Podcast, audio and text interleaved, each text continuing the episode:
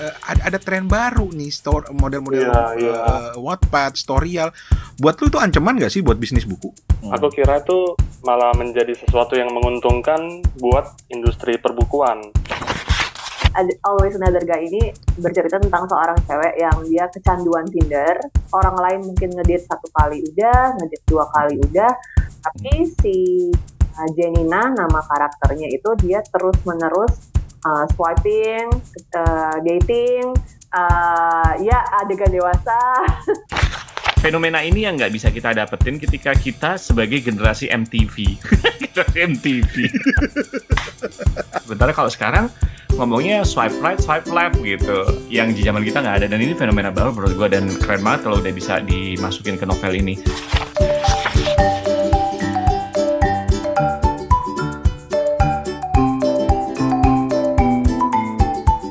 Oke. Kita akan mulai dengan kepo buku untuk episode kali ini yaitu episode ke-35. Wah, gila udah berapa kali rekaman gue sekarang udah hafal episodenya. Luar biasa. Luar biasa. Itu siapa itu barusan? Itu siapa itu orang? Kaget gue. Apa itu? Entar dulu, entar dulu, entar dulu. Kita perasaan rekaman bertiga deh. Kenapa ada suara lain tadi? Itu suaranya itu Steven. Oh, Steven di Ambon udah suaranya udah begitu ya? Ah, ah. dia kira kita rekamannya lagi malam minggu. Dia lupa belum belum unmute, belum unmute. Dia lupa keluar dari karakter. Oh. dia lupa dia lupa ngapus lupa ngapus lipstick. Lipstick.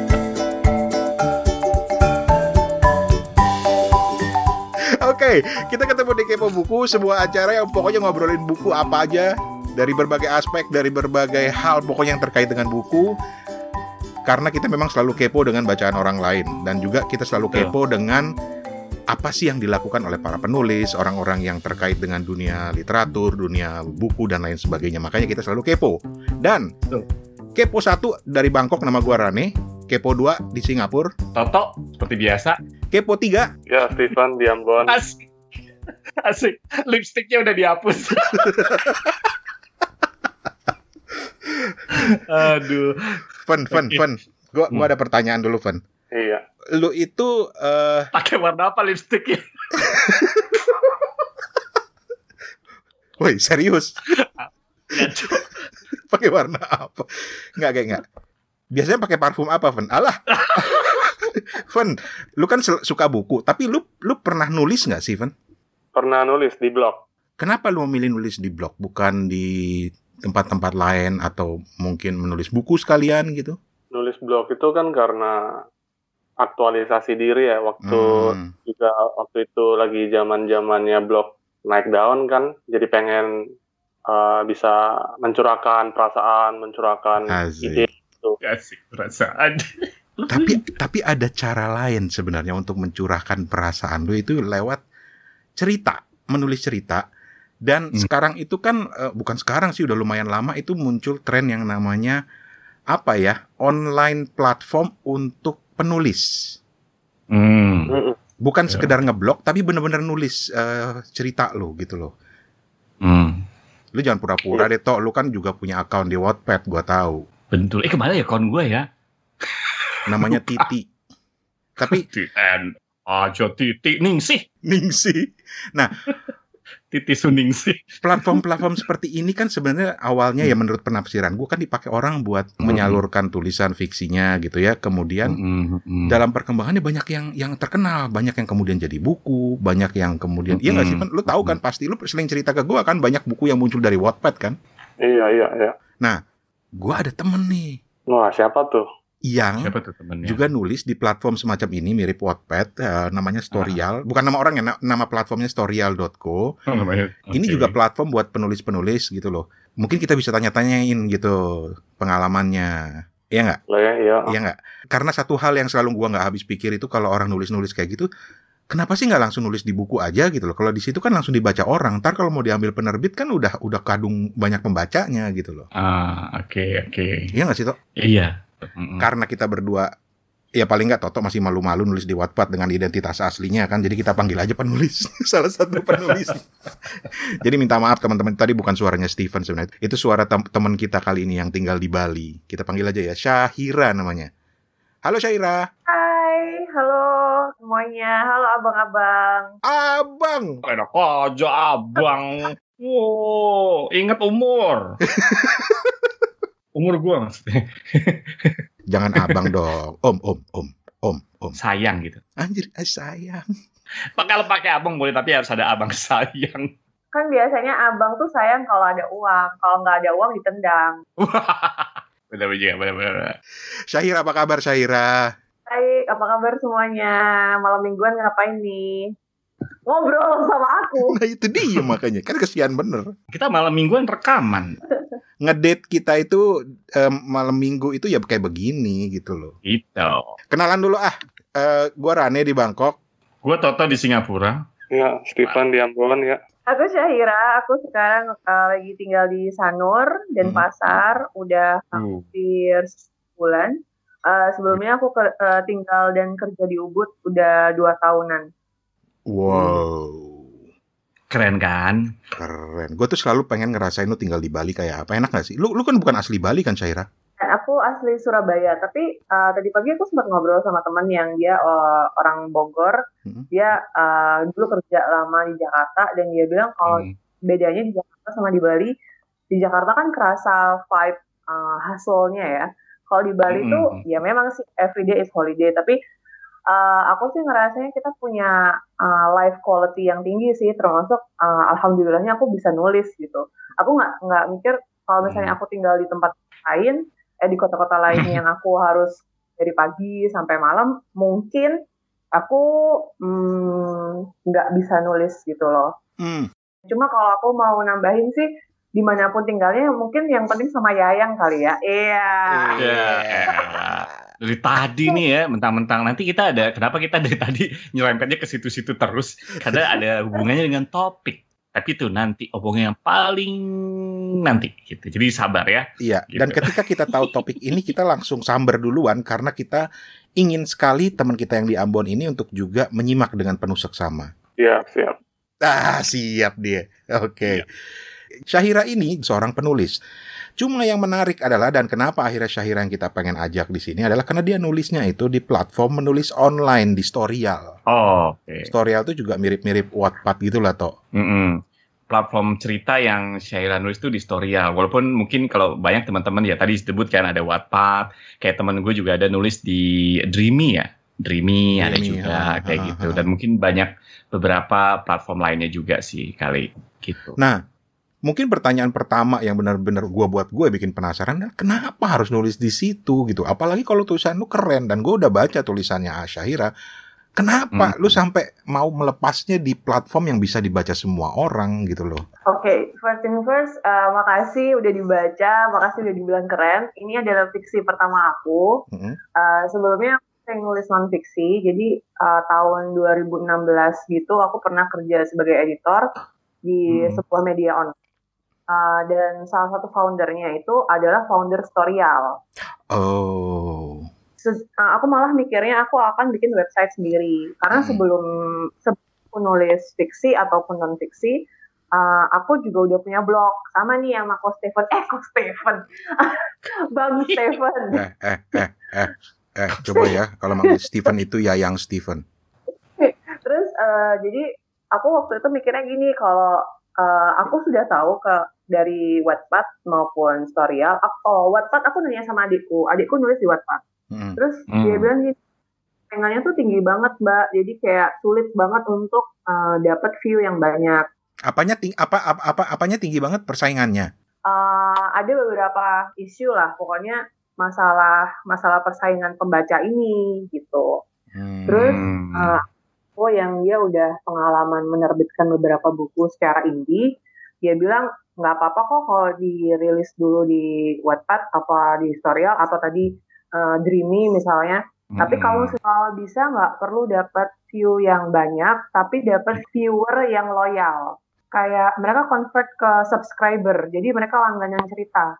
Oh. Nah, yang langganan kan langsung dapat notifikasi kalau ceritaku ada bab baru gitu. Oh, jadi Jadi berdasarkan Hmm. saran dari teman aku itu, akhirnya aku memilih untuk masuk di Storyal. Steven, Steven, ini kayaknya me- menjawab pertanyaan lu nih, Van. Hmm. Karena tadi Steven sempat sempat ngerumpiin Syahira nih sebenarnya di di di grup eh, WhatsApp kita nih Syahira.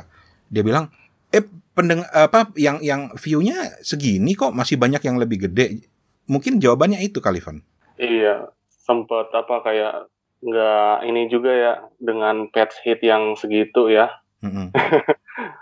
Jadi memang eh, memang jumlah eh, kuantitasnya nggak banyak, tapi ketika aku bikin Instagram sendiri, Hmm. Mhm. itu banyak DM masuk. Dan akhirnya ketika aku kolaborasi sama beberapa bookstagrammer, eh, mereka bilang kayak, oh udah ada yang baca di storyal sebelumnya gitu. Jadi, Hmm. Sebenarnya aku juga lagi proses untuk masuk premium. Jadi itu nanti akan ada next next project gitu loh, next next step gitu. Tapi yang aku perlukan itu adalah platform di mana uh, pembaca maupun it- mau itu temanku yang sudah tahu aku nulis maupun orang-orang baru itu baca dan mereka tuh dapat kisi-kisi buku aku. Ah, Hmm. Oke. Tapi belum menjawab pertanyaan gue lu Syahira. Ah, Kenapa nggak langsung nulis Yes. Kenapa lu nggak langsung nulis buku aja gitu loh? Ya karena itu, karena pingin pingin bikin apa ya, pingin bikin eh, gregetnya orang buat nanti ketika bukunya itu beneran terbit, Hmm. mereka akan langsung beli. Oh jadi memang niatnya memang untuk menerbitkan buku. Itu yang pertama. Terus yang kedua, aku eh, setelah menerbitkan buku yang pertama non fiksi tahun 2018 sampai sekarang, aku mengamati orang Indonesia itu masih lebih suka baca eh, buku cetak. Hmm. Tapi ada orang-orang yang nggak kepingin ketinggalan berita atau nggak kepingin ketinggalan Hmm. ceritanya, ingin cepat-cepat tahu. Jadi dengan adanya uh, platform baca online ini, itu kasih kesempatan buat orang-orang yang nggak mau ketinggalan ini untuk tahu, oh aku tahu lebih dulu daripada orang-orang. Dan ketika bukunya itu dicetak, itu cuma buat koleksi aja, karena aku udah tahu ceritanya gitu. Hmm. Zaman udah berubah banget ya. Iya. Uh, makanya mungkin kita akan tahu bahwa kebanyakan tulisan yang di platform online itu fiksi daripada non fiksi. Hmm. Karena Uh, flow-nya orang baca itu beda antara fiksi dan non fiksi gitu. Hmm. Oke, oke. Oke. Steven, lu kan orang buku. Mm. Hmm. Lu nggak merasa terancam, Van? Dalam artian gini, eh, oh, uh, Syaira mungkin belum tahu kalau Steven ini juga bisnis buku. Toko buku kan? Ah, ah, toko buku. Oh, lu, lu udah di stockingin lu, Van. Mm-mm. Udah di research. Coba. Sejauh mana lu mengenal Steven? Apa sih? Woi, woi. Kita aja belum kenal sampai sekarang Steven itu siapa ya? Ya, nanti saya bikinin profilnya deh. Loh, Maksud gue gini, Van. Lu kan Mm. Orang yang berbisnis buku gitu. Tapi sekarang orang eh, ada, ada tren baru nih, store model-model Iya, iya. eh, Wattpad, Storyal. Buat lu itu ancaman gak sih buat bisnis buku? Hmm. Aku kira itu malah menjadi sesuatu yang menguntungkan buat industri perbukuan. Karena Karena biasanya para penulis di Wattpad itu bisa membuat eksperimentasi, bisa bikin genre-genre cerita yang mungkin nggak bakal masuk di penerbitan major gitu. Misalnya nih, aku ada contoh catatan harian menantu Sinting dari editor sekaligus penulis Rossi Simamora. Nah, dia itu kan seorang editor yang uh, punya kemampuan menulis yang bagus. Dia bikin cerita yang uh, agak-agak dalam tanda kutip nyeleneh gitu kan hmm, tentang catatan harian si menantu nih perempuan menantu perempuan Hmm, hmm. uh, dengan dinamika di dalam keluarganya dia yang ngebanyol yang penuh um, dinamika kehidupan di keluarga gitu kan dan juga ada unsur 18 plusnya lah gitu hmm, ketika dia udah bikin di Wattpad dan akhirnya dia nyebrang dikasih ke penerbit GPU dan akhirnya juga Hmm. cukup cukup laris ya aku rasa di situ penerbit juga mendapatkan apa ya mendapatkan sebuah hasil yang udah jadi gitu ibaratnya ya Bang Rane Mas Toto Hmm. Kafira Kafira uh-uh. Tapi Hmm, ya- yang yang hmm. gua nggak habis pikir ya, nanti Steven atau atau malah Syahira nanti yang bisa bantuin gue. Yang gua nggak habis pikir itu adalah kalau gua harus nulis dan gua harus nulis di platform macam Storyal atau Dreamy atau Wattpad itu, buat gue udah nggak surprise dalam artian orang udah baca buku eh, tulisan gue, kemungkinan nanti karya gue dibajak juga besar gitu loh dan belum tentu nanti penerbit mau ngambil buku yang udah nongol atau dibaca oleh orang banyak juga gitu loh gue karena apa salah satunya gue ingat misalnya uh, ke ceritanya Raditya Dika ya dengan buku Hmm. pertama dia uh, uh, kambing jantan Hmm. itu kan semuanya dari blog dia tapi kemudian ketika buku itu keluar hilang tuh dia tutup tuh artikelnya semua jadi jadi gue mikirnya oh mungkin karena penerbit merasa jangan sampai orang udah nggak ada nggak ada elemen of surprise-nya lagi ketika bukunya terbit iya nggak sih gitu nggak sih kekhawatiran itu valid nggak sih menurut lo Valid, valid. Makanya kan di buku yang terbit ini, buku fisik di yang akan dicetak itu biasanya ditambahin satu atau dua bonus chapter yang belum ada di di platform. hmm.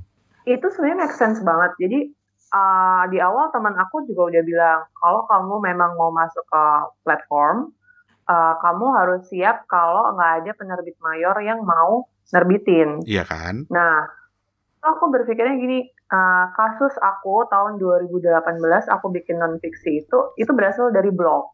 Dan benar kata uh, apa Stephen kalau aku nambahin beberapa bab yang uh, nggak ada di blogku. Jadi benar-benar tulisan baru. Itu satu kelebihan kenapa orang akhirnya uh, beli bukunya walaupun beberapa tulisan sudah ada di blogku. Tapi di sisi lain uh, sebagai seorang yang belum pernah nulis fiksi dan ini adalah fiksi pertamaku, Mhm. Aku merasa ini adalah uh, sarana untuk aku dikenal. Uh, mungkin uh, untuk penerbit aku nggak bisa jawab ya karena aku bukan dari penerbit, tapi Hmm. uh, kemungkinannya penerbit itu melihat itu juga ada. Seperti tadi di awal di- disebutin kalau uh, ini sudah ada beberapa buku yang dicetak karena udah dibaca di Wattpad berapa juta gitu. Hmm. Nah, sementara uh, kasus aku sendiri, aku belum pernah nulis fiksi. Apakah kalau misalnya aku ujuk-ujuk masukin naskahku ke penerbit uh, akan diterima? Juga belum tentu. ah oke Aku sih mikirnya dulu kayak daripada aku harus nunggu enam bulan ditolak, aku harus penerbit. Ya udah sih gitu, aku masukin aja ke platform, ada yang baca. Perkara nanti aku memang mau cetak, mungkin aku bisa cetak indie, mungkin aku bisa cetak self publishing, Hmm. Eh, atau ternyata ada mayor di di platformnya itu kita bisa dibikin kontrak untuk dicabut dari eh, di take down dari platformnya dan jadi banyak banyak apa ya banyak alternatif banyak solusi cuma yang waktu aku sempat dibisikin juga sama editornya Storyal adalah eh, kalau memang aku mau mengambil dua-duanya mau nulis di platform dan juga mencetaknya jadi buku sebenarnya yang di platform nggak perlu ditutup. Jadi misalnya aku bikin endingnya cuma sampai bab 25. Hmm. Tapi karena aku udah kepingin nulis eh, bab berikutnya, ya udah aku tulis aja di storyal bab 26, bab 27 sampai bab 30 atau mungkin bab 35 atau mungkin bab 45. Tapi buku itu kan kadang ada keterbatasan halaman, keterbatasan apa Hmm, ya, iya. atensi cuma maksimal 250 halaman apa segala macam kayak gitu. Jadi platform itu jadi kayak dokumentasi juga tuh. Jadi lu mau nulis Ran? pengen sih jahel pengen. Tadi gue mau nanya Mas Yaira nih, eh, kalau nulis di sini kan lu nggak harus selesai eh, cerita lu jadi satu kan? Eh jadi jadi udah selesai tamat gitu kan? Lu bisa bisa nulis misalnya bab satunya dulu, kemudian bab duanya gitu kan, Yaira? Bener, iya. Jadi uh, ada beberapa orang kayak adikku, adikku yang di Wattpad itu dia Mhm. nulisnya buka. Kalau aku kan nulis, kalau aku, aku nulis Mhm. sampai selesai dulu, baru aku masuk kalau- ke tutorial. Oke oke oke. Mm-mm. Kalau ada lu nggak? Jadi dia nulis aja langsung di platformnya Wattpad itu. Jadi dia langsung Hmm. buka dan dia kayak kadang amazed juga sih kayak wah Ah. kuat juga ya dia nulis di handphone gitu. Gila menarik menarik tambahin satu lagi. Dulu kan aku pikir mau bikin blog tersendiri kan tentang Hmm. uh, bukuku ini. Tapi ternyata ketika aku masuk ke uh, Storyal, itu ternyata Hmm. tidak bisa di select. Jadi nggak bisa copy paste, copy paste. Dan kalau misalnya dari kalau nggak salah dari aplikasi ya, itu nggak bisa di screenshot. Hmm, Ya. oke. Tuh, jadi aku ngerasa uh, cukup aman sih so far. hmm. Eh, aku kira ini mengenai platform ini adalah sebuah tempat paling bagus ya kalau mau pengen mulai nulis ya. Hmm. Gimana nih? Iya nih. Jadi tempat tempat apa ya? Tempat yang nggak perlu atau nggak perlu banyak skill gitu ya. Asal lo pengen niat aja gitu ya, konsisten aja. Bakal dapat feedback, bakal dapat uh, pengaruh juga dari pembaca. Itu aku kira nyenengin banget kali ya Iya. untuk jadi penulis masa masa kini. Masa kini dan dan Hmm. dan satu yang gue suka itu karena eh, seperti Syahira bilang tadi, lu bisa ngedapetin pembaca-pembaca yang loyal gitu loh. Mungkin eh, nggak banyak mungkin ya nggak tahu ya. Mm-mm. Tapi paling enggak lu eh, bisa dapetin pembaca yang loyal yang bahkan sampai mau nungguin cerita lo atau bahkan masih ngasih feedback ke lo itu kan mahal banget itu. Mm-mm.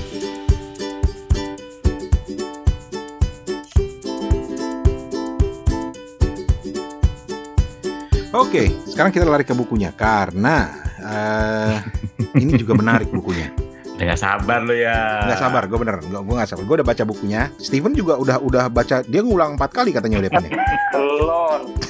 Baru daftar tadi. eh baru kali ini nih Steven protes. Biasanya dia protesnya "Eh, enak aja baru empat kali, enam gitu. gitu. Biasanya dia kalau kalau diledekin pasrah dia. Keren keren pen. Ada kemajuan pen. Tapi oke. Tolong koreksi kalau kalau salah ya. Tapi eh, eh, Ya salah. terima kasih. Lanjut. Novel lo di Storyal ini judulnya adalah Always Another Guide. Sudah ada 11 bab ya Evan ya tadi Evan ya, kalau nggak salah Evan. Iya. Dan ini cerita tentang apa ya orang yang menggunakan eh, aplikasi perjodohan. Maafkan istilah saya yang orang tua ini Jodoh. karena aduh sampai perlu sendiri ngomong kamu cowok cowok gue gue bakal dihujat banyak orang nih. Tapi ya ya ya di zaman gue itu namanya perjodohan gitu loh. Pencari mencari jodoh. Jodoh dan jodoh itu bukan tentu mencari jodoh buat teman kawin nggak juga gitu. Tapi anak-anak muda sekarang menyebutnya Tinder. Ca Tinder. Iya nggak sih Salah Syahira? satunya. Salah satunya. Salah satunya. Salah satunya. ini adalah Tinder. Kebetulan aku memang nulis tentang Tinder karena uh, ini yang paling praktis dan paling banyak orang tahu kali ya, atau paling banyak orang pakai di Indonesia. Mungkin kalau misalnya settingnya di negara lain, uh, akan ada aplikasi-aplikasi lain gitu. Ntar dulu, Hmm. ntar dulu. Gue gue malah ma- baru menemukan satu fakta ini gara-gara baca novel. Emang Tinder udah masuk Indonesia ya? Udah lama dan eh kok aku jadi enggak kok abis ini kita di endorse sama Tinder Indonesia sih? Eh nggak apa-apa. Halo. Nih ya, kalau di kepo buku itu kalau kita Halloween biasanya kita langsung di approach itu. Halo Tinder. Uh, Tapi i- jadi udah ada ya di Indonesia ya. Dalam artian orang Indonesia itu udah make ya. Pura-pura lu. ya ya orang-orang nggak tahu Wait. gitu ya iya aku pertama kali pakai aplikasi kencan itu tahun 2016 Bo, udah lama ya, Bo. ya dan masih jomblo sampai sekarang Terus ngapain lu pakai Tinder? Aduh, jadi jadi kepo gue. Sorry, sorry, sorry. Terus terus terus.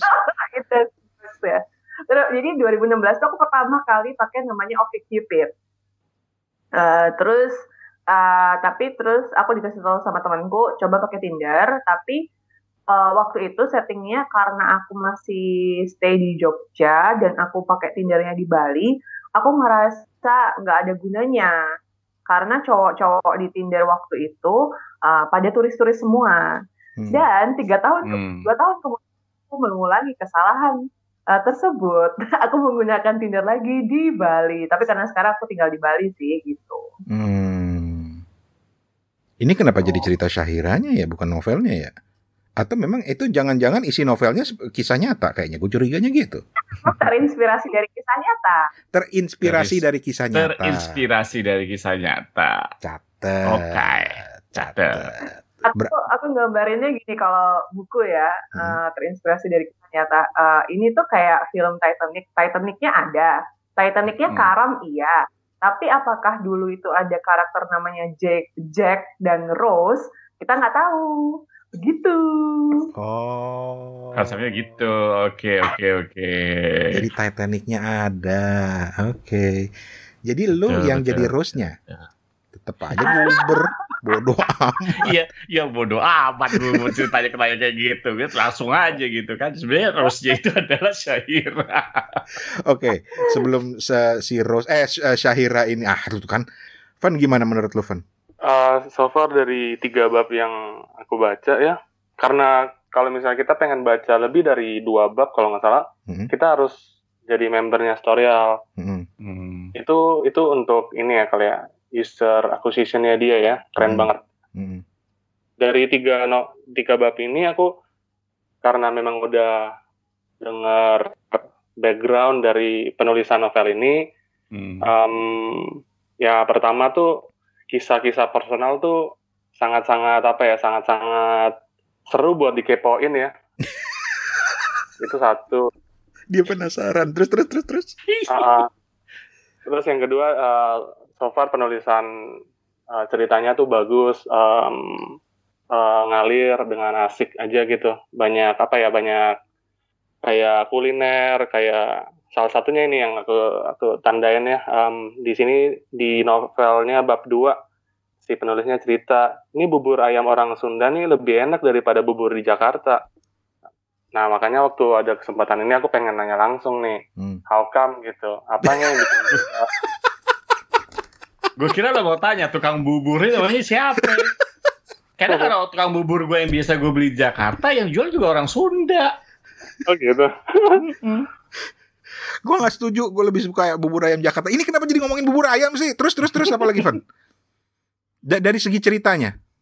dari segi cerita tuh um, build up-nya tuh seru lah Hmm. itu aja sih so far Tapi lu nggak nggak kepo karena lu udah udah udah ngomong eh, langsung Hmm. dengan orang yang kemungkinan besar dalam tanda kutip adalah tokoh di novel itu.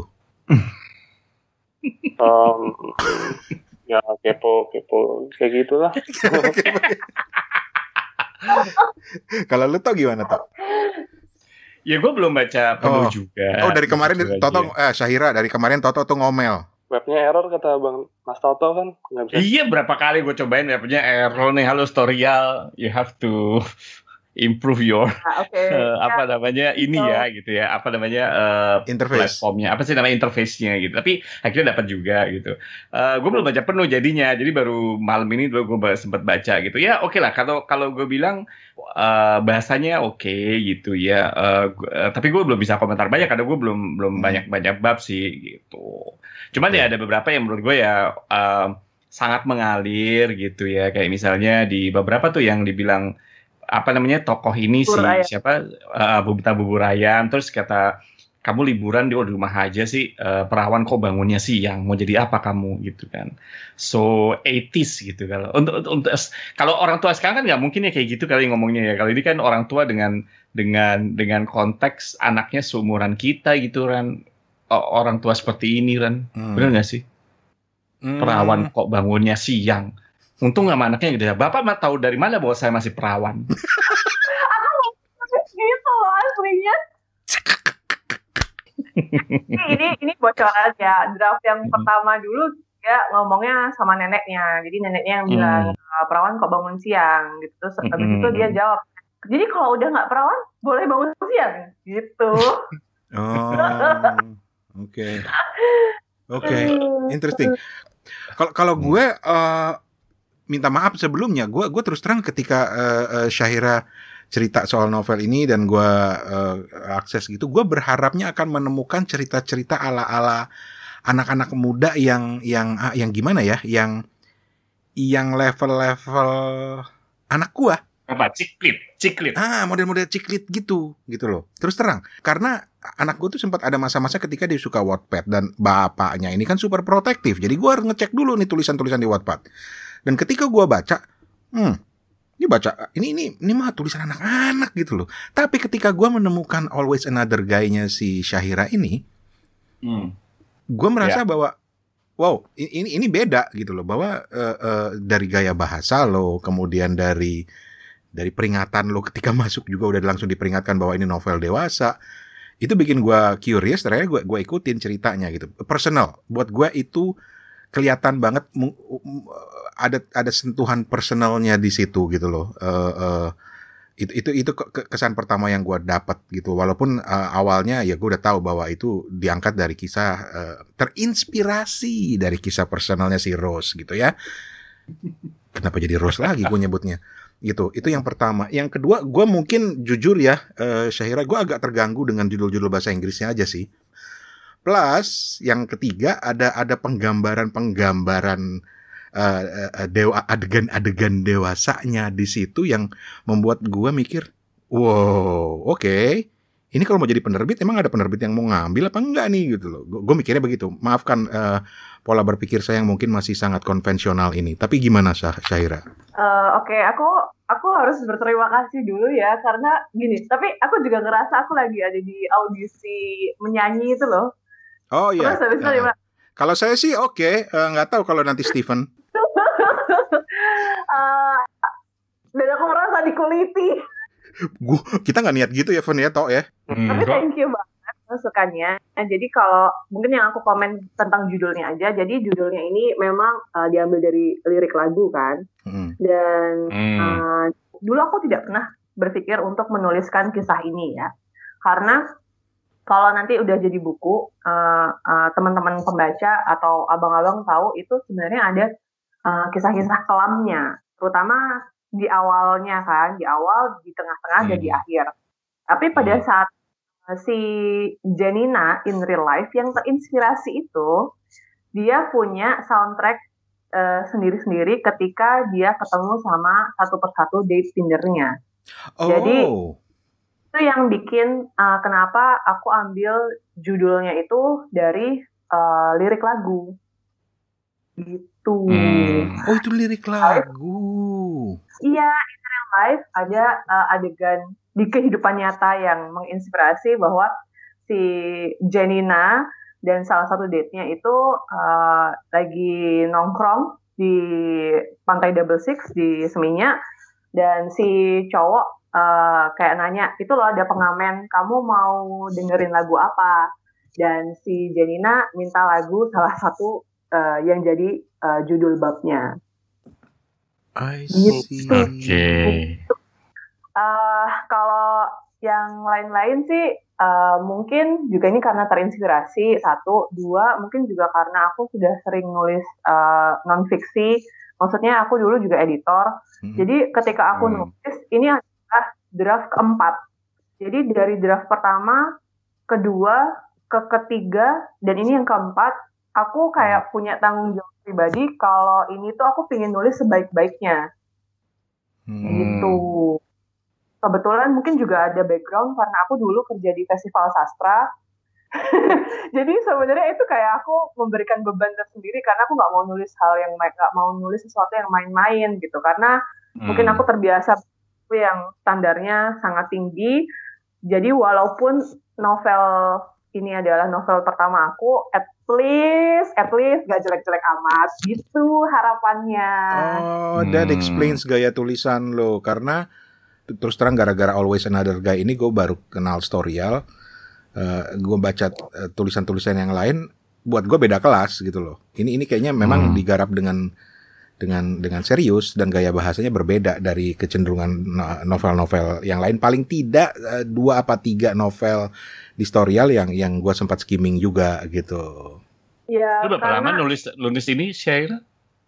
eh, aku nulis sebenarnya mulai Januari ya. Jadi tanggal Hmm. 2 Januari itu aku menghapus Tinder. Terus aku cerita tuh sama teman. Eh, dan teman-teman kayak kamu tulisin aja. Terus aku bilang gila loh ya, nulis-nulis cerita gue sendiri gitu. Hmm. Terus Hmm. ya kan ntar kayak terinspirasi kan nggak bilang kalau kisah nyata.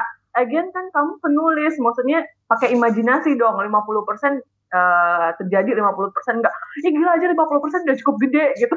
Yaudah 20% aja yang nyata, yang 80% imajinasi gimana. Yaudah oke oke gitu. Oke, eh, tolong ceritain dong yang 50% yang aslinya. Lo itu kan dari Januari dia ngapus Tinder, nutup account Tinder, terus dia nulis janjinya sih nggak lebih dari 20%, tapi kan susah ya. Akhirnya 90%. Balah gak sebanyak itu. Enggak ya. Oke. Tapi kan kalau ada uh, Bookstagrammar itu bilang eh, gini komentarnya mereka ini sih gila kalau ada seseorang yang benar-benar ngalamin semuanya. Karena Hmm. kalau sampai bab 11 yang ada di tutorial itu masih kayak celup-celup kaki gitu. Tapi Hmm. kalau udah bab ke hmm, aku sendiri kok lupa ya bab keberapa.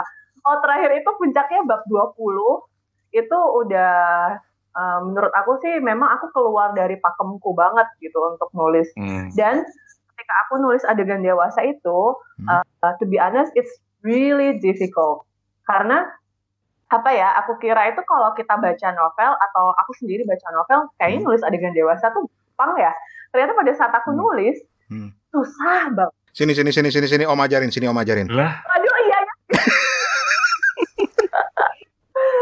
aduh aku aku sampai konsultasi loh aku nulis adegan ini tuh Serius. jadi aku tanya sama kebetulan teman aku ini eh, dia di Bangkok jadi eh kebut apa tapi namanya bukan Ron Lo lo jangan gitu lo tiba-tiba temen lu gue kan nggak lucu lu.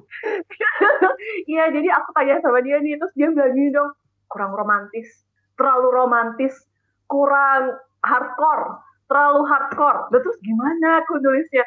Jadi ya kalau buat nulis adegan ini tuh aku nonton YouTube terus aku di situ aku baca-baca kayak eh, tips menulis adegan ini gitu.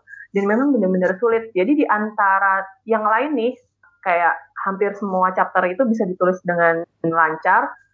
Cuma di adegan ini aja aku stuck sampai kira-kira dua minggu. Dan itu baru nulis belum ngedit belum nge-review. Terus Hmm. jungkir balik. Karena mau nulis ini tuh aku harus mikir gini oke dia berdiri terus itu tangannya di mana? Ya begitulah. Halo Pak Diam. Speechless langsung semuanya orang diam semua. By the way, kalau misalnya mau apa eh, mencari referensi untuk nulis adegan panas gitu, mungkin bisa ke novelnya Mbak Lela ya Bang Rane ya. Aku kalau nggak salah ingat, Mbak Lela tuh Bener. juga Lela. juga bagus banget kan ininya ya.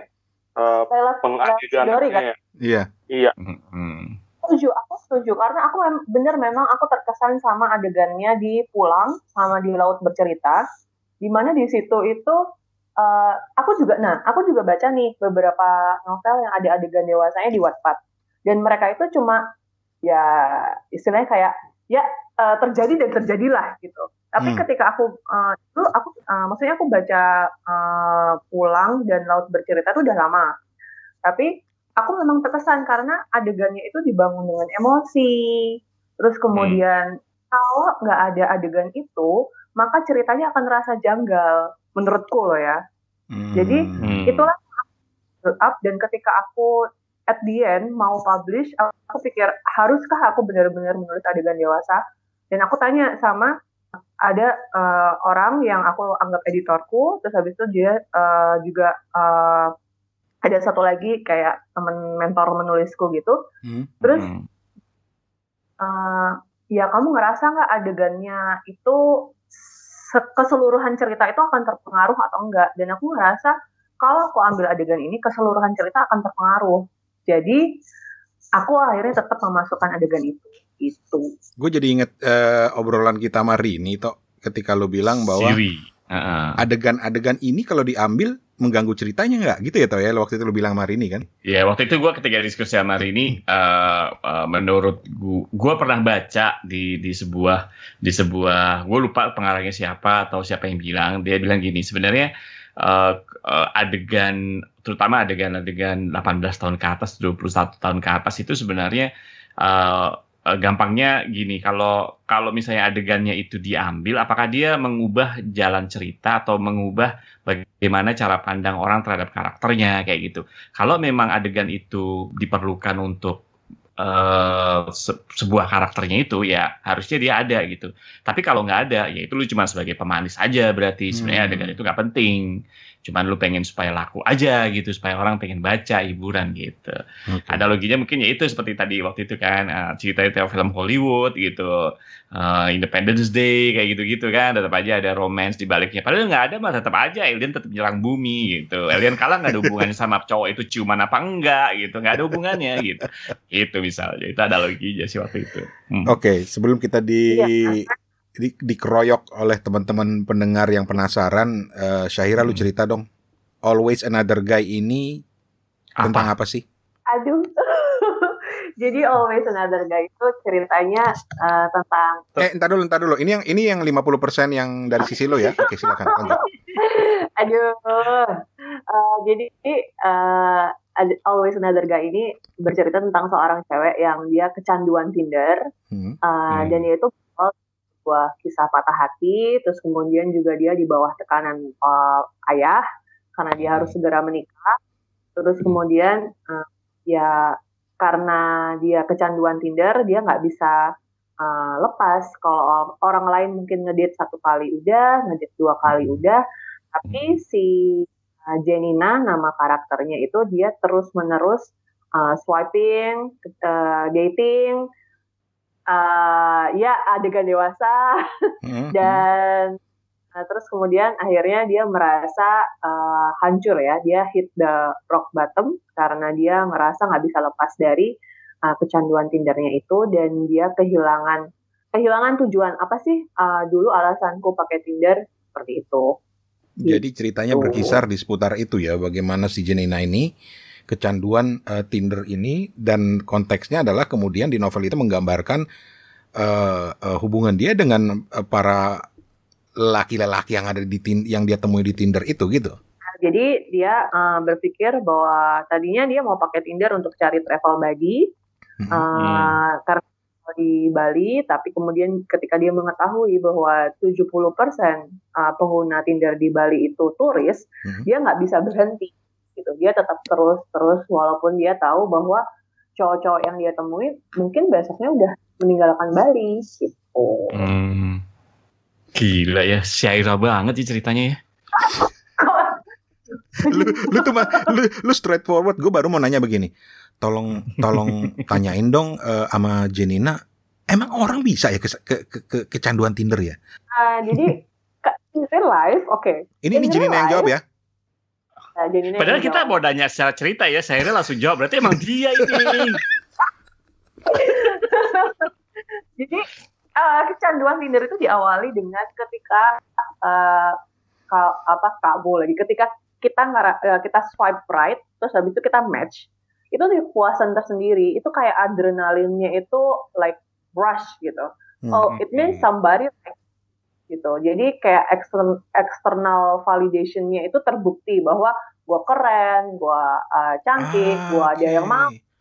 Dan apalagi kalau misalnya pakai Tindernya especially di Bali di mana cowok-cowoknya itu mungkin bule uh, atau cowok-cowoknya itu kelihatan lebih keren. Ah, bukan maksudnya ya foreigner lah gitu. Jadi ya itu tadi gitu. Dan itu sih yang nggak bisa di stop uh, in real life itu uh, si Janina itu ngumpulin uh, 400 match dalam waktu enam bulan Wow. Eh, gue mau wowkan cerita fiksi loh ini sebenarnya. Cie, Terus, terus, terus, terus. ya terus terusin aja gitu jadi terus uh, tapi ketika, ketika ketemu uh, kan nggak semuanya menyenangkan Mm-mm. nah kecanduannya juga didukung oleh faktor uh, ketika kamu ketemu dan ternyata tidak menyenangkan ada kok orang lain ada kok orang baru dan kamu akan selalu bisa swipe jadi Hmm. Eh, istilahnya adalah mm, ketika sudah sampai ke taraf eh, kecanduan eh, manusia itu seolah-olah objek seolah-olah bisa tergantikan dengan mudahnya dan nggak perlu tuh yang namanya kenalan baik-baik eh, kamu kelebihannya apa kekurangannya apa it's Hmm. just number it's just a number game aja gitu Hmm. Ini pada diem karena pada nyatet ini pasti nih. Tapi nggak nggak jujur jujur ya, gue baru paham. Gue gua gua nggak pernah pakai Tinder. yeah, right. Serius. namanya bukan Tinder Di zaman gue soalnya namanya bukan Tinder. Jaelah lanjut. Gue mau nyobain sat aplikasi satunya ntar ini lagi malah. Enggak, anyway, terusin. Aplikasi aplikasi apaan toh? Ah, Ntar lu malah daftar lagi. Ah, udah, terusin. Soalnya di zaman gue Tinder itu ini di majalah yang ada banyak foto-fotonya itu loh di halaman belakang. Oh gitu. anyway, memang ada hal-hal yang menjadi pertanyaan-pertanyaan gue karena emang gue nggak paham sebenarnya prinsip-prinsip kerja aplikasi-aplikasi seperti ini gitu. Dan gue baru sadar ketika lu bilang tadi bahwa salah satu kepuasannya itu karena lu mendapatkan pengakuan ketika itu match itu benar-benar mendapatkan uh, sebuah pengakuan.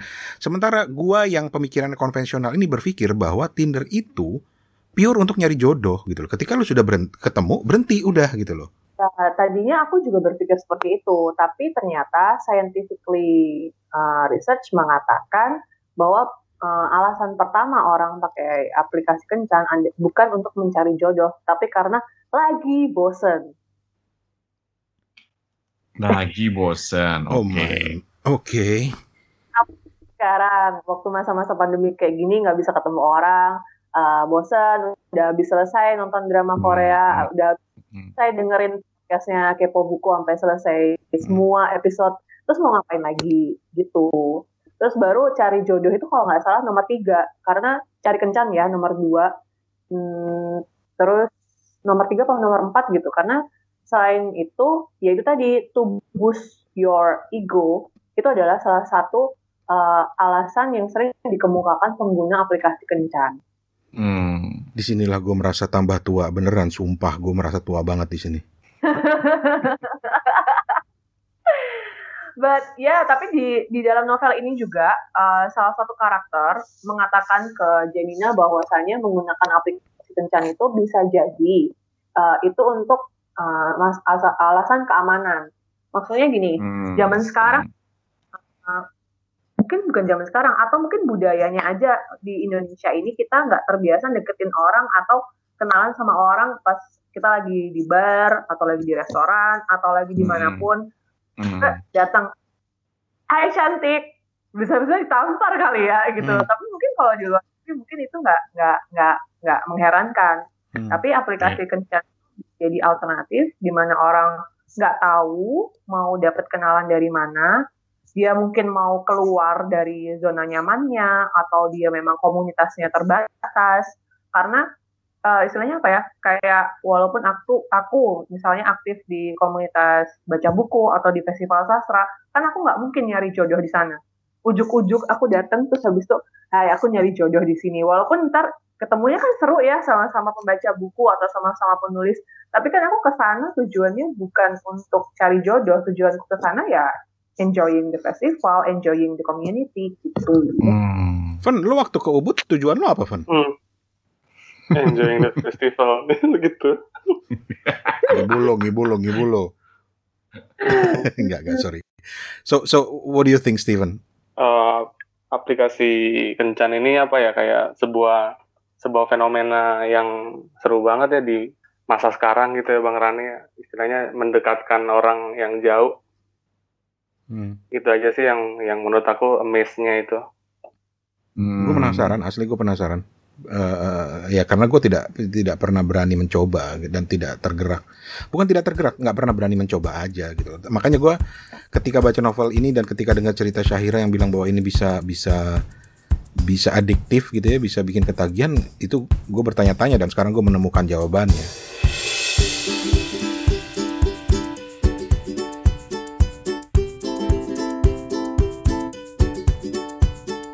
So, kejutan apa lagi yang lo mau kasih ke kita Syahira?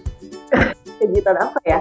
Jadi sebenarnya inti dari pada novel aku ini bukan cerita cintanya yang mau aku highlight, tapi Hmm. uh, lebih self worth. Oh, self worth. Oke. Karena uh, untuk perempuan terutama uh, ketika terjebak di aplikasi kencan sangat mudah untuk menggadaikan nilai diri. Jadi kita ngerasa di sini wanted gitu, ngerasa Hmm. uh, apa ya, ya ilusi that we are being loved uh, by many. Dan kemudian ketika ketemu kan pasti kayak berbunga-bunga gitu loh. Hmm. Tapi Hmm. Uh, mungkin juga aku uh, mengalaminya secara ekstrim di Bali, sehingga uh, aku pingin apa ya perempuan kali ya, kalau siapa pun sebenarnya yang pakai aplikasi kencan itu harus tahu dulu alasannya apa, terus yang kedua harus cinta dulu sama diri sendiri. Jadi kalau memang nggak, kalau memang ketemu sama orang yang nggak sesuai sama harapan, ya udah let, let them go gitu. Sementara si Janina ini kan dulu terjebak dalam pusaran itu karena dia nggak nggak berani bilang no karena awal ceritanya adalah dari patah hati itu gitu. This is too much for me. Terus terang. Too much information beneran. Ini apa? Ini kayak kayak ini masa depannya Bang Rani aja nanti menghadapi Neng nanti gitu.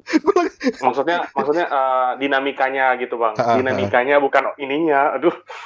Gemes. Aduh gemes. Gemes. Gemes. Kenapa? Gimana? Maksudnya dinamikanya gimana? Ya maksudnya kan nggak bakal ketahuan ya uh, dinamika pergaulan anak remaja di 5-10 tahun ke depan gitu. Yoi. No, ke- kenapa gue bilang this is too much for me? Terus terang ya, uh, gue selalu membanggakan diri gue sebagai orang yang selalu up to date dengan perkembangan, bahkan perkembangan anak-anak generasi sekarang gitu. Tapi gue nggak pernah menyentuh sampai ke lahan-lahan yang terkait dengan dunia-dunia online dating. Terus terang, gue pertama kali kenal uh, dunia online dating itu justru dari salah satu podcaster yang gue wawancarain si Ida ya. Uh, Mm-mm. Do you think I wanna date you itu?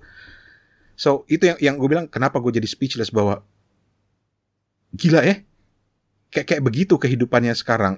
This is ini ini beyond moral ya. Gue gua nggak ngomong soal moral, gue nggak nggak ngomong soal Hmm. hal-hal kayak gitu. Tapi bahwa gue terkejut-kejut mendapati bahwa udah perubahannya itu besar banget gitu loh. Eh, eh, Hmm. Sampai self worth itu bisa dihargai dari sebuah swipe gitu tuh. Hmm. Emang emang gitu ya, eh, eh, Je- Jenina kan tuh, Syahira. Iya, jadi aku ngerasa apa ya, eh, kayaknya tuh manusia zaman sekarang itu sudah nggak kepingin ngasih effort yang terlalu besar, Hmm. bahkan untuk building something meaningful aja tuh pengennya yang instan. Hmm. Karena mungkin Hmm. mungkin uh, prioritasnya udah beda gitu. Jadi kalau dulu itu uh, yang namanya hubungan itu harus dilandasi dengan uh, izin ortu misalnya, kepercayaan satu sama lain misalnya gitu. Tapi kalau sekarang tuh uh, dari sini aku belajar kayak uh, kasarannya apa ya? Ya udah uh, lihat nanti atau omongin nanti. Itu tuh hal-hal yang kayak konsekuensi-konsekuensi itu belakangan. Yang penting sekarang ini kita kompet kom- sebenarnya nggak sampai kompatibel sih lebih kayak connect nggak sih ada chemistry-nya nggak sih padahal itu kadang-kadang uh, menipu gitu loh itu tadi ilusi Hmm. karena semua cepat kita ngelihatnya cuma dari tampang kita ngelihatnya uh, kan kalau di aplikasi kencan tuh kadang kita bisa masukin akun Instagram kita gitu atau uh, foto kan orang-orang pasti nampilin foto yang terbau uh, terbagus kan aku mau ngomong terbaik sebenarnya Hmm, hmm, Terus? hmm. itu ya itu itu pasti yang oke oke aduh aku mau ngomong ini pada cowok-cowok semua lagi jadi kalau di Bali itu nih ketika aku pertama kali aku lagi kan bener kan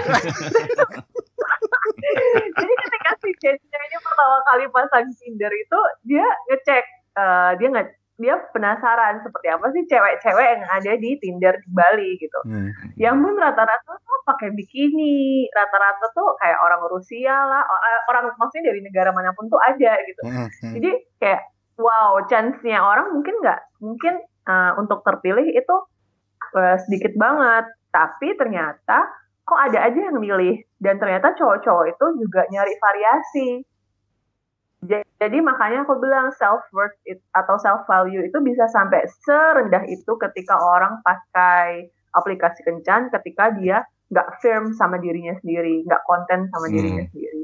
Hmm. Tuh. Bentar lo masih nyatat. Ini jadi kayak siraman rohani gitu ya. Jadi siraman rohani. Oke, oke. Apa yang dilakukan oleh si Jenina ini eh, eh, atau upaya yang dilakukan yang lu gambarkan di di novel itu un- dari bagi dia untuk keluar dari dari kecanduannya dia tanpa lu harus ngasih spoiler buat novel lo ya. Waduh, ini spoiler abis. Oh spoiler abis ya udah jangan jangan kalau gitu jangan biar orang baca biar orang baca jangan jangan jangan. Ya intinya aku rasa sih semua orang, uh, kebanyakan orang atau uh, at least seumuran aku pernah ngerasain patah hati dan patah hati itu berat banget. Dan hampir semua orang punya apa ya punya resolusinya sendiri ketika mereka patah hati. Entah mereka binge eating entah mereka nonton drama Korea entah mereka uh, nongkrong sampai malam sampai subuh.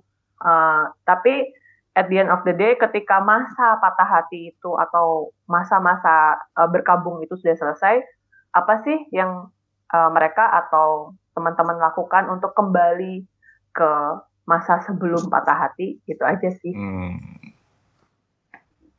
Menarik. Menarik, menarik. Ini benar-benar dicatat kayaknya ya.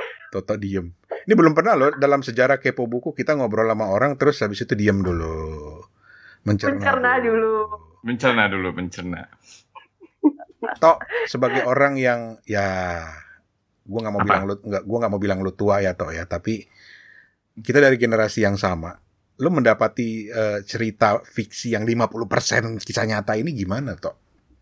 Ya kalau menurut gua ini kita belajar eh, fenomena baru gitu ya. Gue gue tertarik banget itu. Jadi em, awalnya awalnya jujur aja ya mungkin seperti yang Rani tadi eh, bilang ya, wah pas dia pertama kali baca cerita ini dia pikir ah iyalah story story di platform digital paling banter juga tanpa bermaksud gue merendahkan ya, tapi kita dihujat lagi sama penyuka ciklit.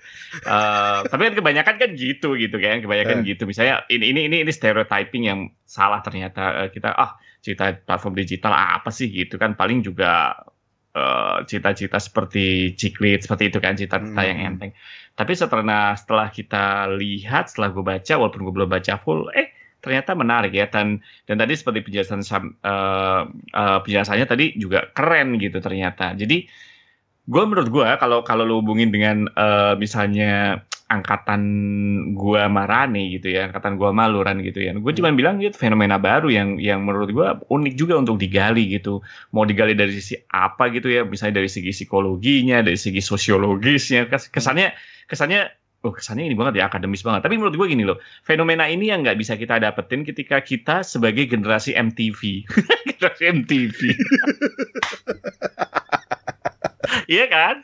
gitu ya di mana, di mana mungkin kalau kita ngomong masalah produk kayak gitu-gitu misalnya misalnya kayak hits dulu orang pasti kalau masuk MTV keren banget hits itu lihatnya MTV nah dulu kan zaman dulu sementara kalau kencan mungkin ya udah beda dengan angkatan orang tua kita tapi udah more or less mungkin masih sama gitu ya. Nembak juga di di sekolah atau diajak kencan dulu kayak gitu-gitu kan. Sementara kalau sekarang ngomongnya swipe right, swipe left gitu. Eh, lu pakai premium apa enggak gitu kalau nggak betah gitu. Kalau nggak sabar kayak gitu-gitu kan, misalnya kayak gitu. Eh, yang di zaman kita nggak ada dan ini fenomena baru menurut gua dan keren banget kalau udah bisa dimasukin ke novel ini. Perkara 50%, 70%, 80%, 90%, 80% itu debatable lah ya. Kalau gue sih tetap percaya ini lebih dari 50% gitu. Bener nggak sih? tapi aku aku eh, apa ya mungkin aku bisa bilang em, lebih ke itu tuh challenge buatku untuk nulis fiksi Hmm. Nah, aku terbiasa Hmm. nulis fiksi jadi ketika Hmm. fiksi itu sebenarnya aku akan bilang bahwa ini aku jadi lebih bebas karena non fiksi itu Hmm. ada banyak sekali limitasi karena mungkin eh, akunya sendiri tidak pernah mengalami atau akunya tidak punya kemampuan untuk menceritakan sesuatu tapi Uh, ketika fiksi kita jadi lebih punya apa ya lebih punya banyak uh, sisi ya yang bisa digali cuma aku juga mau mungkin mau Hmm. uh, menambahkan ya supaya ini tidak terasa terlalu berat uh, Hmm. mudah-mudahan pembaca atau teman-teman tetap ngerasa uh, joyful Uh, uh, jadi joyful, ya. karena Hmm. Eh, kenapa sih aku dulu eh, karena berasal dari eh, anak non fiksi karena aku juga Cih. editor jadi aku Hmm. ngerasa bahkan ketika aku nulis ini aku selalu eh, mungkin kerasa banget dari percakapan kita aku ngerasa kita harus aku punya tanggung jawab sosial Ya. bahwa aku menulis bukan hanya sekedar menulis tapi kemudian karena teman-teman pembaca ada yang eh, bilang ya kadang kita nggak butuh itu sih mau baca kan cuma ya pleasure aja entertainment aja Hmm, hmm, hmm, hmm, happy. hmm. We don't think about the moral value we don't think Hmm. about the lessons or anything. Uh, just want to be happy aja gitu. Hmm. itu poin yang yang menarik gitu loh. Karena gua gua nggak tahu Toto sama Steven ya silakan nanti jawab masing-masing. Tapi buat gue membaca terutama eh, fiksi buat gue itu leisure. Mau fiksinya ribet kayak Murakami atau sampai kayak yang oh ya sebelumnya nih minta maaf dulu nih buat para penggemar ciklit bukan bukan merendahkan ya. Tapi kadang-kadang it's just a generation thing gitu loh. Karena ada perbedaan eh, perbedaan aja gitu loh. Sehingga buat kita membaca roman-roman anak-anak muda itu ah begini lagi gitu loh. Udah udah gue udah ngalamin Hmm. gitu. Oke. Terus lanjut ke cerita gue tadi. Eh jadi jadi gue termasuk yang yang yang memang membaca untuk leisure gitu tapi begitu mendapati dari cerita si Jenina yang katanya 50% ini gue ju- gue justru jadi Ya itu tadi jadi bertanya-tanya, wow, seperti inikah uh, uh, uh, uh, uh, uh, kehidupan uh, sekarang gitu loh, gitu. Hmm. Uh, uh, uh, dicerminkan dengan karena gue yakin bahwa novel itu mau mau fiksi atau mau 50% atau mau 100% itu kan pastinya diangkat dari sebuah peristiwa yang pernah terjadi atau ada di refer dari sebuah kejadian gitu dan, dan itu yang membuat gue kemudian menjadi menarik menarik uh, menarik tali gitu ya ke ke, ke Hmm. kehidupan nyata gitu atau atau menariknya menarik kesimpulan itu ke kehid- kehidupan nyata gitu yang yang kemudian jadi bikin gue berpikir berpikir uh, bahwa Hmm. oh begini toh sekarang kehidupan anak-anak muda sambil me- sambil megangin jenggot yang sudah mulai putih. Tapi ya kalau sampai terakhir-terakhir juga eh, apa namanya ini kan eh, ada dinamika hubungannya Jenina sama ayahnya kan. Exactly. Itu itu itu yang yang sebenarnya pe- pengen gua gua arahkan ke situ. Tapi oke lanjut lanjut. Lu udah memulainya silakan. iya jadi eh, awalnya itu aku pinginnya itu lebih deket sama ibu. Tap- karena kebetulan aku juga deket banget sama ibuku gitu. Tapi ketika aku baca-baca eh, psikologi, eh, maksudnya baca-baca artikel, eh, ternyata dari sisi psikologis itu lebih kental eh, hubungan anak perempuan sama ayahnya yang membuat dia kehilangan self value atau uh, dia punya relasi yang sulit sama uh, laki-laki. Dan itu yang jadinya akhirnya aku fokuskan. Itu dari draft pertama ke draft kedua aku harus menghapus 20.000 ribu kata. Eh nggak nyampe. Sekitar 10 ribuan kata untuk kemudian lebih fokus ke dinamikanya dia sama ayahnya. Gitu Gimana gimana gimana yang 20 ribu kata ini apa apa yang kenapa lu hapus? karena uh, tadinya aku maunya itu menggambarkannya dari sisi ibu I see, oke. tapi terus oh kayaknya kok lebih pas kalau sama ayah ya gitu. Nah Hmm. ini ada cerita lucu karena kan ibunya Janina aku bikin meninggal. Hmm. Terus ada tuh sahabat aku di dunia nyata, sahabatnya bukan Cahira, sahabat nak si orang asli ini, Hmm. itu bilang kamu nggak ada apa-apa sama mamahmu kan? Kenapa mamahmu kamu bikin meninggal di novelmu? itu fiksi, itu bukunya Janina. Itu Jenina. Itu Jenina. Tolong dicatat itu Jenina. Ya, Oke, jadi- that's interesting. Steven, Ya, lu digaji di Kepo Ini- Buku bukan cuma buat nyatet loh, Van. Iya. Digaji sombong banget ya. jangan-jangan Orang dia jangan-jangan nggak install nih. Jangan-jangan lagi asik swipe nih, mana nih si Jenina nggak mau nongol gitu ya. Iya gitu. Swipe right mulu dari tadi gitu. Kenapa, Van? Kalau kalau misalnya nyari Jenina kan harus eh, beli fitur premiumnya di Tinder biar bisa connect ke luar kota. Iya betul. Tahu.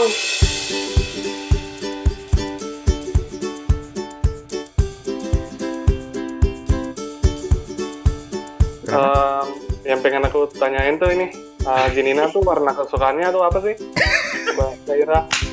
Kalau bisa kasih info-info untuk para pendengar nih, buat para pendengar yang pengen ngulik novelnya. Ini, ini ke mana nih arahnya gue gak ngerti nih. Eh, kenapa ya? Iya, kenapa warna kesukaan ya? Aku lagi mikir. Gue udah bilang Steven itu kalau nanya itu suka aneh-aneh tapi ada maksudnya. Jawab jawab lo. Jawab lo salah jawab warna bisa jadi berapa itu? Eh, pink. Langsung swipe swipe swipe swipe swipe swipe ping ping ping ping ping. Tapi eh, btw eh, ini juga ada Instagramnya kan, jadi mungkin teman-teman bisa ngelihat, maksudnya ngelihat warna kesukaannya, ngelihat settingannya, cerita-ceritanya eh, Janina itu ada real. Wait wait wait wait. Jadi kisah si Jenina ini jadi ada akun in- Instagram si Jenina. Ah, ah, akun bukunya sih sebenarnya, tapi bukan at, at always another guy, tapi at hijabi on Tinder. Wait. Hijabi. oh, Beneran dicatat dong.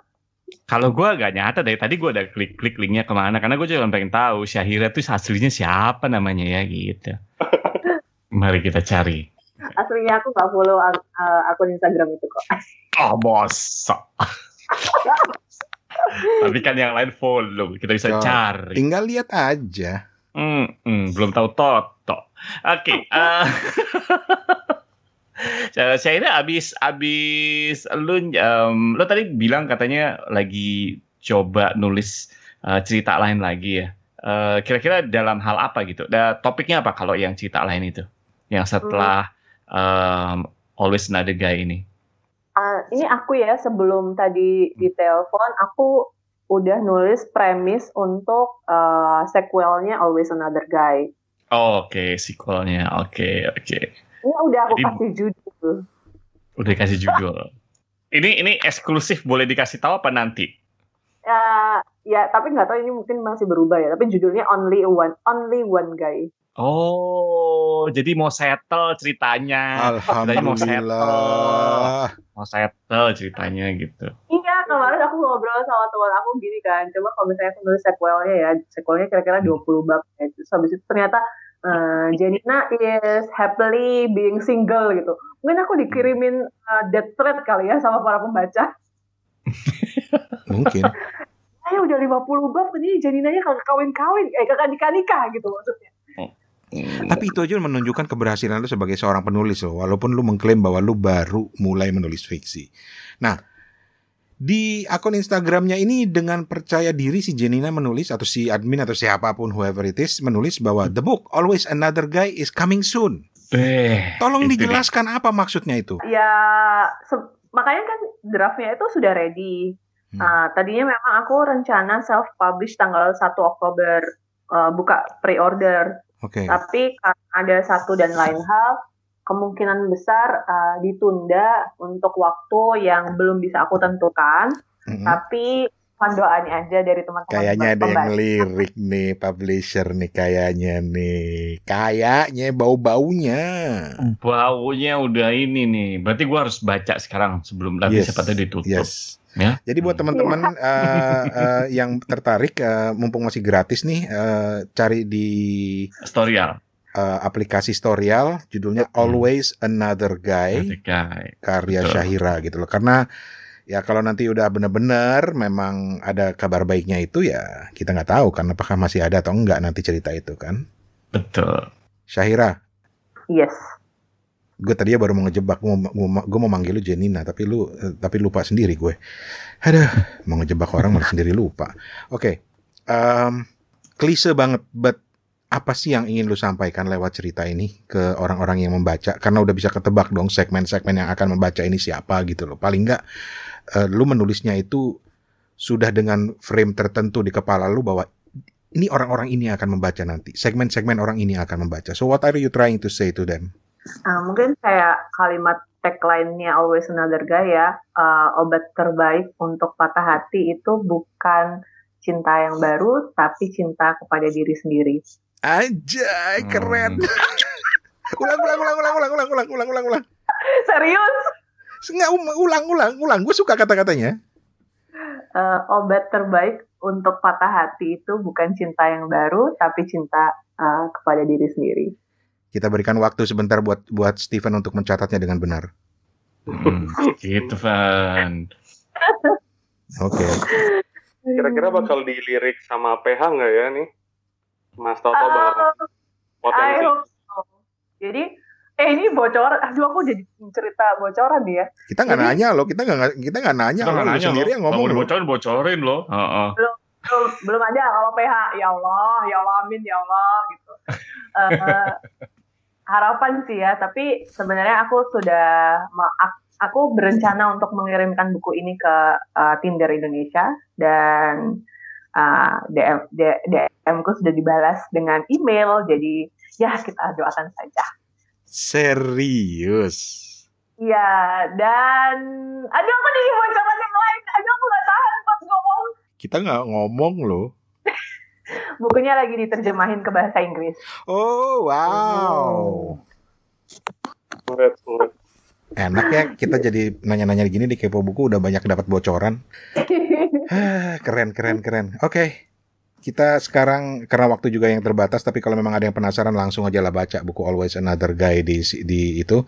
Dan ini pertama kalinya ya uh, Fen, tok Kepo Buku mm. uh, ngomongin buku yang diterbitkan melalui platform seperti Storyal atau juga seperti eh, platform-platform uh, seperti yang lain ya Dreamy dan uh, lain dan Wattpad gitu. So it's sesuatu yang baru lah buat kita juga gitu.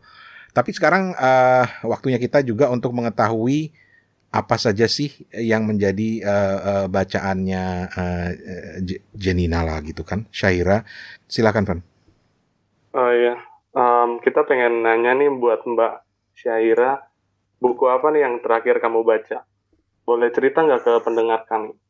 Uh, aku tadi lagi baca buku uh, Everything is Fucked, segala-galanya ambiar hmm. dari Mark Manson. Uh, terus aku kalau baca buku tuh barengan uh, beberapa buku sekaligus gitu. Hmm. Terus aku juga baca Becoming uh, Michelle Obama. Hmm. Terus Don't Sweat the Small Stuff. Tapi itu buku lama banget. Hmm. Don't Sweat the Small Stuff. Uh -uh. Itu kan lama banget bukunya ya. Si Richard Carlson bukan? Oke, okay, yap, yap, yap. Ya, kayak itu. Terus? Terus terakhir aku baca judulnya ini What the Nose knows, apa yang hidungmu ketahui tapi tidak kamu ketahui. Jadi aku uh, ada satu juga yang di Always Another Guy dan kemudian aku tanya sama uh, salah satu pembaca, kamu sadar nggak kalau aku sering nulis uh, parfumnya orang?